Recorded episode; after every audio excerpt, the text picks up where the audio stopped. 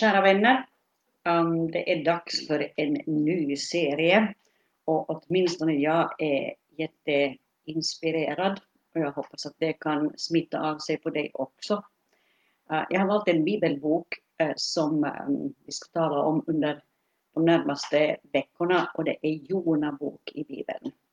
Den är speciell av många olika orsaker. Ehm, den är en så kallad profetbok, alltså skriven eller som handlar om en profet, ska vi säga. Profeten heter Jona. Eh, det som gör den här profetboken speciell, det är att den här boken eh, innehåller inte profetiska tilltal, såsom till exempel Jesaja bok i Bibeln, eller Jeremia, eller Amos, eller Obadja till exempel. Utan um, Jona bok är en berättelse om en sekvens ur Jona liv där han får handla och agera profetiskt, eh, kan vi säga. Mm. Men eh, egentligen handlar största delen av den här boken om hur han irrar omkring i, um, vad ska vi säga, han springer undan Gud, för att säga det enkelt. Och han är kanske inte den enda eh, som har gjort det. Det finns en hel del människor som har gjort det före honom och det finns en hel del som har gjort det efter honom. Eh, så vi ska gå in i Jona bok och eh, du får gärna söka upp den om du har en bibel där hemma så plocka fram Jona. Vi ska läsa snart det första kapitlet. Eh, men innan det så ska jag ge dig en liten bakgrund så att du vet vad det här handlar om. Precis som med nästan alla andra människor i Bibeln så är det också med Jona så att hans namn betyder någonting. Jag vet att jag har sagt det här tidigare i en, i en andakt i radion Ehm, som du kanske har hört, uh, hört mig nämna. Uh, detta att, att namnen i Bibeln har oftast en betydelse. När vi ger namn åt våra barn så är det inte nödvändigtvis så att, att det namnet betyder någonting. Um, um, vi har, uh, min man och jag har två afrikanska barn och i Afrika är det vanligt att man ger namn åt barnen namn som har betydelse. Så um, våra barns ursprungliga namn Eh, betyder verkligen någonting. Jonas namn, eh, han betyder, det betyder duva. Eh, och det finns andra namn i Bibeln som till, till exempel Ismael. Hans namn betyder Gud hör. Abraham hette först Abraham och det namnet betyder upphöjd fader. Sen blev Abraham Abraham. Det var Gud som liksom förnyade hans namn och då betyder hans namn en far till eh, en father of a multitude på engelska, alltså en fader till många. Eh, Jona hette alltså duva, eller hans namn betyder duva. Och eh, jag har ingen eh, förklaring till varför han hette så, eller varför hans namn betyder duva. Eh, kanske kunde hans flykt, eh, som den här dagens session handlar om, kunde förklara någonting av varför han kallas duva. Eh, men, men det är bara en gissning. Ehm, den här boken ehm, skiljer sig alltså från de andra profetböckerna i Bibeln i det att det är en berättelse om en människas liv och inte en samling profetior. Litterärt sett hör den till något vi kunde kalla lärodikter på prosa eh, med syftet att föra fram en viktig sanning. Precis som Jesus själv till exempel berättar en berättelse om den barmhärtige samariten Eh, där vet vi inte om den berättelsen verkligen representerar någonting som hade hänt på riktigt eller om det var en berättelse. Eh, och på samma sätt så menar teologerna att, att eh, berättelsen om Jona kanske kan vara bara en berättelse. Jesus själv nämner Jona i Matteus 12, vers 39 till 41. Och ehm, är nog, ehm, det är nog som om Jesus skulle behandla Jona som en historisk person definitivt. Och eh, jag ska läsa snabbt den här texten eh, som Jesus eh, säger, eller den text som Jesus säger om Jona. Det står så här i Matteus 12, 39-41. Han svarade dem, ett ont och trolöst släkte kräver ett tecken, men det ska inte få något annat tecken än profeten Jonas tecken.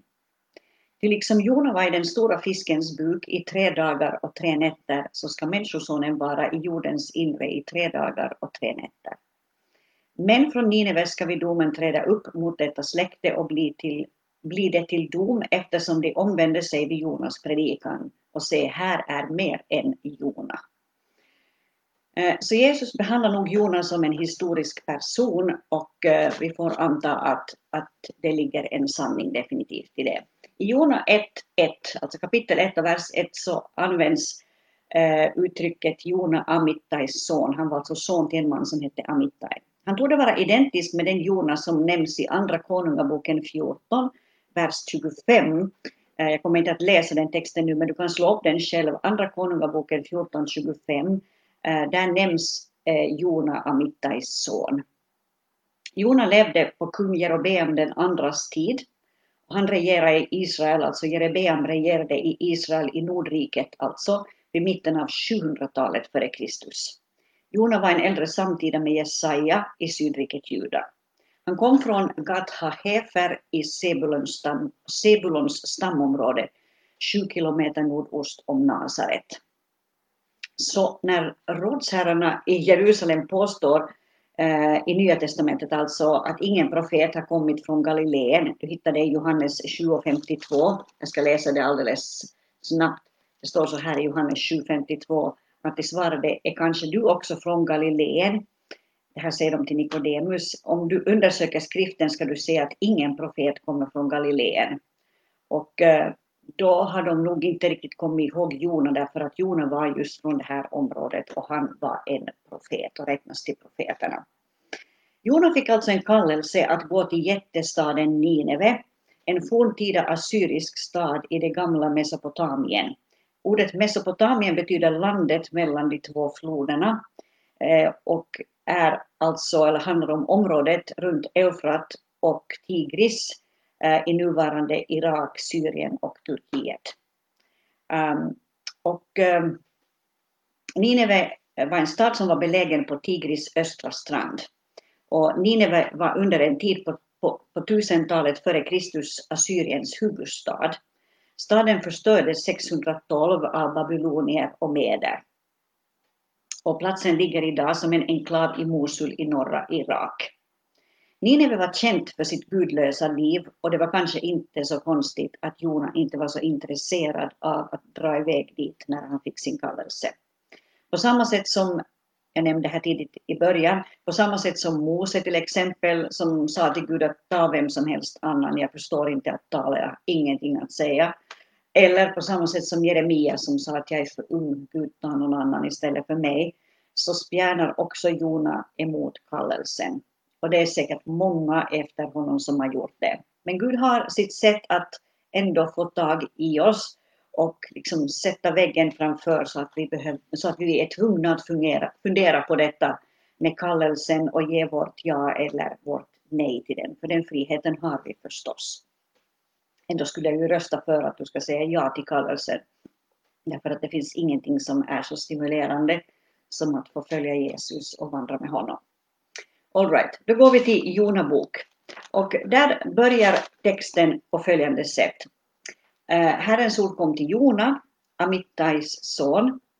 Han sade, stig upp och bege dig till Nineve, den stora staden, och predika mot den, ty deras ondska har kommit upp inför mitt ansikte. Men Jona steg upp för att fly till Tarsis, bort från Herrens ansikte. Och han for ner till Jafo och fann där ett skepp som skulle gå till Tarsis. Han betalade för resan och steg sedan ombord för att fara med dem till Tarsis bort från Herrens ansikte. Men Herren sände en stark vind ut över havet och en våldsam storm uppstod och skeppet var nära att krossas. Sjömännen blev förskräckta och ropade var och en till sin Gud. De vräkte lasten över bord för att lätta skeppet. Men Jona hade gått ner i det inre av skeppet och låg där i djup sömn. Då gick skeppets kapten till honom och sade, hur kan du sova nu? Stig upp och ropa till din Gud. Kanske ska den guden tänka på oss så att vi inte förgås. De sa till varandra, låt oss kasta lott så att vi får veta vem som har dragit denna olycka över oss. Och när de kastade lott föll lotten på Jona. Då sa de till honom, säg oss för vems skull denna olycka har kommit över oss. Vad är ditt ärende och varifrån kommer du? Från vilket land är du och vilket folk tillhör du?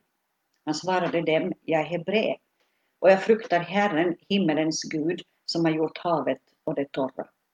då greps männen av stor förskräckelse och sa till honom, vad är det du har gjort? Av det han berättade fick männen veta att han flydde bort från Herrens ansikte. Havet stormade mer och mer och de sa till honom, vad ska vi göra med dig så att havet blir lugnt? Då svarade han dem, ta och kasta mig i havet så ska havet bli lugnt. Jag vet att det är för min skull som denna starka storm har kommit över er. Männen rodde för att komma tillbaka till land, men de kunde inte, till stormen rasade allt värre. Då ropade till Herren och sade, Herre, låt oss inte gå under för den här mannens skull och låt inte oskyldigt blod komma över oss, för du, Herre, har handlat efter din vilja.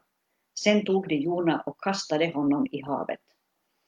Då lade sig havets raseri, och männen greps av stor fruktan eh, och eh, stor fruktan för Herren och de offrade slaktoffer åt Herren och avlade löften.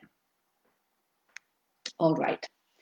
I vers 2 så börjar hela berättelsen med detta att Herrens ord kommer till Jona, Herrens tilltal kommer till honom och Herren säger stig upp och bege dig till Nineve. I kallelsen, och det gäller alla människor, inte bara Jona utan också dig och mig, så finns alltid ett sånt här stig upp och gå. Där finns ett lämnande. Eh, det handlar om en kallelse med en ny riktning, ett nytt mål och ett nytt folk som väntar för Jonas del här.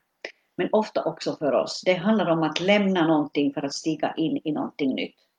För Abraham var det precis på samma sätt. Gud sa till honom, eh, gå ut ur ditt land, eh, från din släkt, till det land som jag ska visa dig. Och på samma sätt sa Jesus till sina lärjungar, följ mig och jag ska göra er till människofiskare. Och så står det att lärjungarna lämnade allt och följde honom. Uh, kallelsen handlar inte bara om ett sånt här lämnande utan den har ofta också en stark påverkan på oss själva. Den sätter sin prägel på människan. I Jeremia 20 så finns en sån här eh, Eh, ett uttryck som profeten Jeremia eh, använder om sin egen kallelse. Eh, han berättar om, han klagar egentligen inför Herren, han är frustrerad inför, inför Herren. Ursäkta, men så säger han så här. Jag tänkte, jag vill glömma honom, alltså glömma Herren, och inte mer tala i hans namn. Då blev det i mitt hjärta som en brinnande eld instängd i mitt innersta. Jag ansträngde mig att uthärda den, men kunde det inte. Så kallelsen blev i hans fall som en eld som han inte kom ifrån. Det var någonting som var svårt helt enkelt att släppa. Och eh, så är det också för oss, så har det varit för många, många människor genom alla tider. Kallelsen kan ligga tung över ens liv. Jag tycker att det är viktigt att förstå att, eh, att kallelsen ändå, trots att den kan kännas väldigt utmanande och stor, så det är alltid en glädje att tjäna Gud. Jag har inte ångrat en enda dag av det att jag har tjänat Gud. Det har varit ett fantastiskt liv. Och skulle jag dö ikväll skulle jag vara supernöjd och glad över allt det jag har fått uppleva tillsammans med Herren. Uh, sen står det också att Gud sa till honom så här att predika mot Nineve, alltså predika mot den där staden. Så uh, han är inte, Jon är inte sänd dit för att säga ja, Gud älskar er och fortsätt som ni har börjat, det här ser bra ut. Utan tvärtom så är han sänd för att predika mot dem. Han är där för att verkligen väcka dem. Han är där för att säga att nu är det dags för er att lämna ert gamla liv och stiga in i ett nytt liv. Uh, han är där för att säga att om ni fortsätter på samma sätt som ni har gjort så här långt så får ni problem med Gud. Och det är ett väldigt allvarligt ord uh, som han ska ge dem. Och det är säkert också det som gör att Jono tänker att nej, nej, nej, jag vill inte gå. Jag vill inte gå, jag, jag vill göra något helt annat. Um, och det står också här att, att Gud säger så här att dess ondska, alltså stadens ondska, har stigit upp inför mitt ansikte. Uh, och det är en bra påminnelse om att allt vi gör uh, får konsekvenser. Och, och det, det som är vår räddning det är att det finns en plats att fly till. Det finns Golgata. Det finns eh, en plats av försoning, av hjälp, av förlåtelse att gå till. Eh, men, men precis varenda sak vi gör i vårt liv så får konsekvenser och allt behöver få läggas under Jesu försonande hand och under hans verk. Eh, och därför att, att alla människors ondska, så precis som här, så kommer att stiga upp inför Guds ansikte, så här bildligt talat, och vi har ingen annan räddning att gå till än Jesus själv. Och därför om du hör på det här och kanske gör det första gången i ditt liv och du tänker vad ska jag göra med det som finns i mitt liv? Så det enda jag kan säga till dig det är att spring till Jesus. Kom till Jesus. Säg till honom förlåt mig allt i mitt liv som har gått fel. Jag vill bli en ny människa, jag vill liksom bli totalt tränad. Bara duscha mig, käre Gud, så att ingenting av det gamla finns kvar. Uh, men det som Jona gör här, istället för att, att dra iväg för att predika det här i Nineve, så står det att Jona, han gör något helt annat. I vers 3 står det att han stiger upp för att fly till Tarsis, bort ifrån Herrens ansikte. Så istället för att dra nordöst eh, mot Nineve, eh, och det skulle ha varit en resa på 1300 kilometer faktiskt, så det är ingen liten resa det handlar om. Istället för att göra det så drar Jona västerut. Han hittade ett skepp i Jafo, alltså i nuvarande Jaffa. Det är därifrån som Jaffa-apelsinerna kommer. Uh, och det skeppet ska till Tarsis, den feniciska kolonin vid nedre loppet av den spanska floden Guadalquivir. Ett riktigt guldland, guldland på den tiden. Eh, uh, Tarsis-skeppen representerade också på den tiden uh, de största skeppen. Det står bland annat om dem så här i Jesaja 2. Jag ska snabbt läsa en text från Jesaja 2 där Tarsis-skeppen nämns. Det står så här i uh, vers eh, um, 12 till 16. Herren Sebaots dag ska komma mot allt stolt och högmodigt, mot allt som är upphöjt och det ska bli förödmjukat, mot alla Libanons sedrar, um, de höga och upphöjda och mot alla Basans ekar, mot alla höga berg och alla stolta höjder mot alla höga torn och alla fasta murar, mot alla Tarsis skepp, ja mot allt som är vackert att se på. Eh, så ehm, eh, Tarsis skeppen representerar med andra ord någonting stort och fantastiskt och Jona hoppar på ett sådant skepp. Han flyr lite som den förlorade sonen flydde, men han, den förlorade sonen i, i berättelsen som Jesus berättar så flydde inte lika dramatiskt så här. Han bara lämnar sitt hem ville ha alla de pengar han skulle få i sitt arv och så drar han iväg. Du hittar det här i Lukas 15, vers 13. Men, men Jona drar iväg bort från sin egen kallelse. Antagligen hade Jona inte ro att stanna där han var. Han ville bort. Lite som det berättas om Kain i Bibeln, att han, han var flyktig och ostadig på jorden. Uh, antagligen visste Jona att man, man kan inte fly Guds närvaro som finns överallt eh, Guds närvaro som på ett, på ett sätt är en sån här allestädes närvaro. Eh, det visste Jona antagligen nog. Men, men det som Jona flydde egentligen, det var liksom Guds uppenbarelse närvaro, detta att Gud talar här och nu. Uh, han flydde den här uppenbarelsen, den här kallelsen som Gud hade gett honom. Så han far västerut, alltså precis tvärt emot det Gud sa. Ähm, det lär finnas ett talesätt, någon form av skrock hos, hos sjömän, jag hittade det här på nätet faktiskt, där det, där det sägs så här att det blir storm om man har en präst ombord. Äh, så åk inte Silja Line med någon präst. Äh, nej, det där tror jag inte på själv. Jag har åkt många gånger på diverse skepp och det har inte hänt någonting. Men, men i det här fallet så blir det nog problem. Äh, det blir full storm och det här fina skeppet på väg eh, mot, Nin, eh, förlåt, eh, mot Tarsis, det här fina skeppet är hotat. Alla sjömännen sätter igång och de börjar be till sin Gud. Det står här, sjömännen blev förskräckta, vers 5, och ropade var och en till sin Gud. Och de vräker lasten över bord och de gör allt de kan för att skeppet ska räddas. Och vad gör Jona, gudsmannen, den så kallade gudsmannen? Han ligger och sover som om ingenting skulle ha hänt. Så alla andra ber utom han som verkligen skulle kunna vara uppe och be. Till det Gud som verkligen svarar på bön. Uh, Jona alltså helt passiv. Han sover, han gör ingenting. Uh, och de här sjömännen fortsätter att kasta bort lasten. Och så står det så här att de säger i vers eh, uh, 7, då har de redan väckt upp Jona och, och de har utmanat honom att be. Det står inte att han ber överhuvudtaget utan han bara står där kanske och betraktar vad de sysslar med. Och så säger de låt oss kasta lott och se varifrån det här eländet kommer. Och så faller lotten på Jona. Och vi kunde säga så här att Jona är fullständigt passiv ända tills den här lottdragningen har skett. då fattar han att nu är han fast. Och i samma stund så tar han på sig hela den här skulden. Och egentligen kunde vi säga att Jona börjar sin väg tillbaka in i Guds vilja redan här. Mitt ute på Medelhavet, där, där de alla håller på att dö, eh, där ändrar Jona kursen och börjar vända tillbaka mot eh, den riktning, eller i den riktning dit Gud vill ha honom. Och han tar på sig hela skulden. Eh, han, han är på hemväg kunde vi säga. Han, han vandrar tillbaka till Gud och till Guds vilja, till Guds kallelse med hans liv. Han säger att jag är en hebré, jag fruktar Herren, himmelens Gud som har gjort havet och det torra.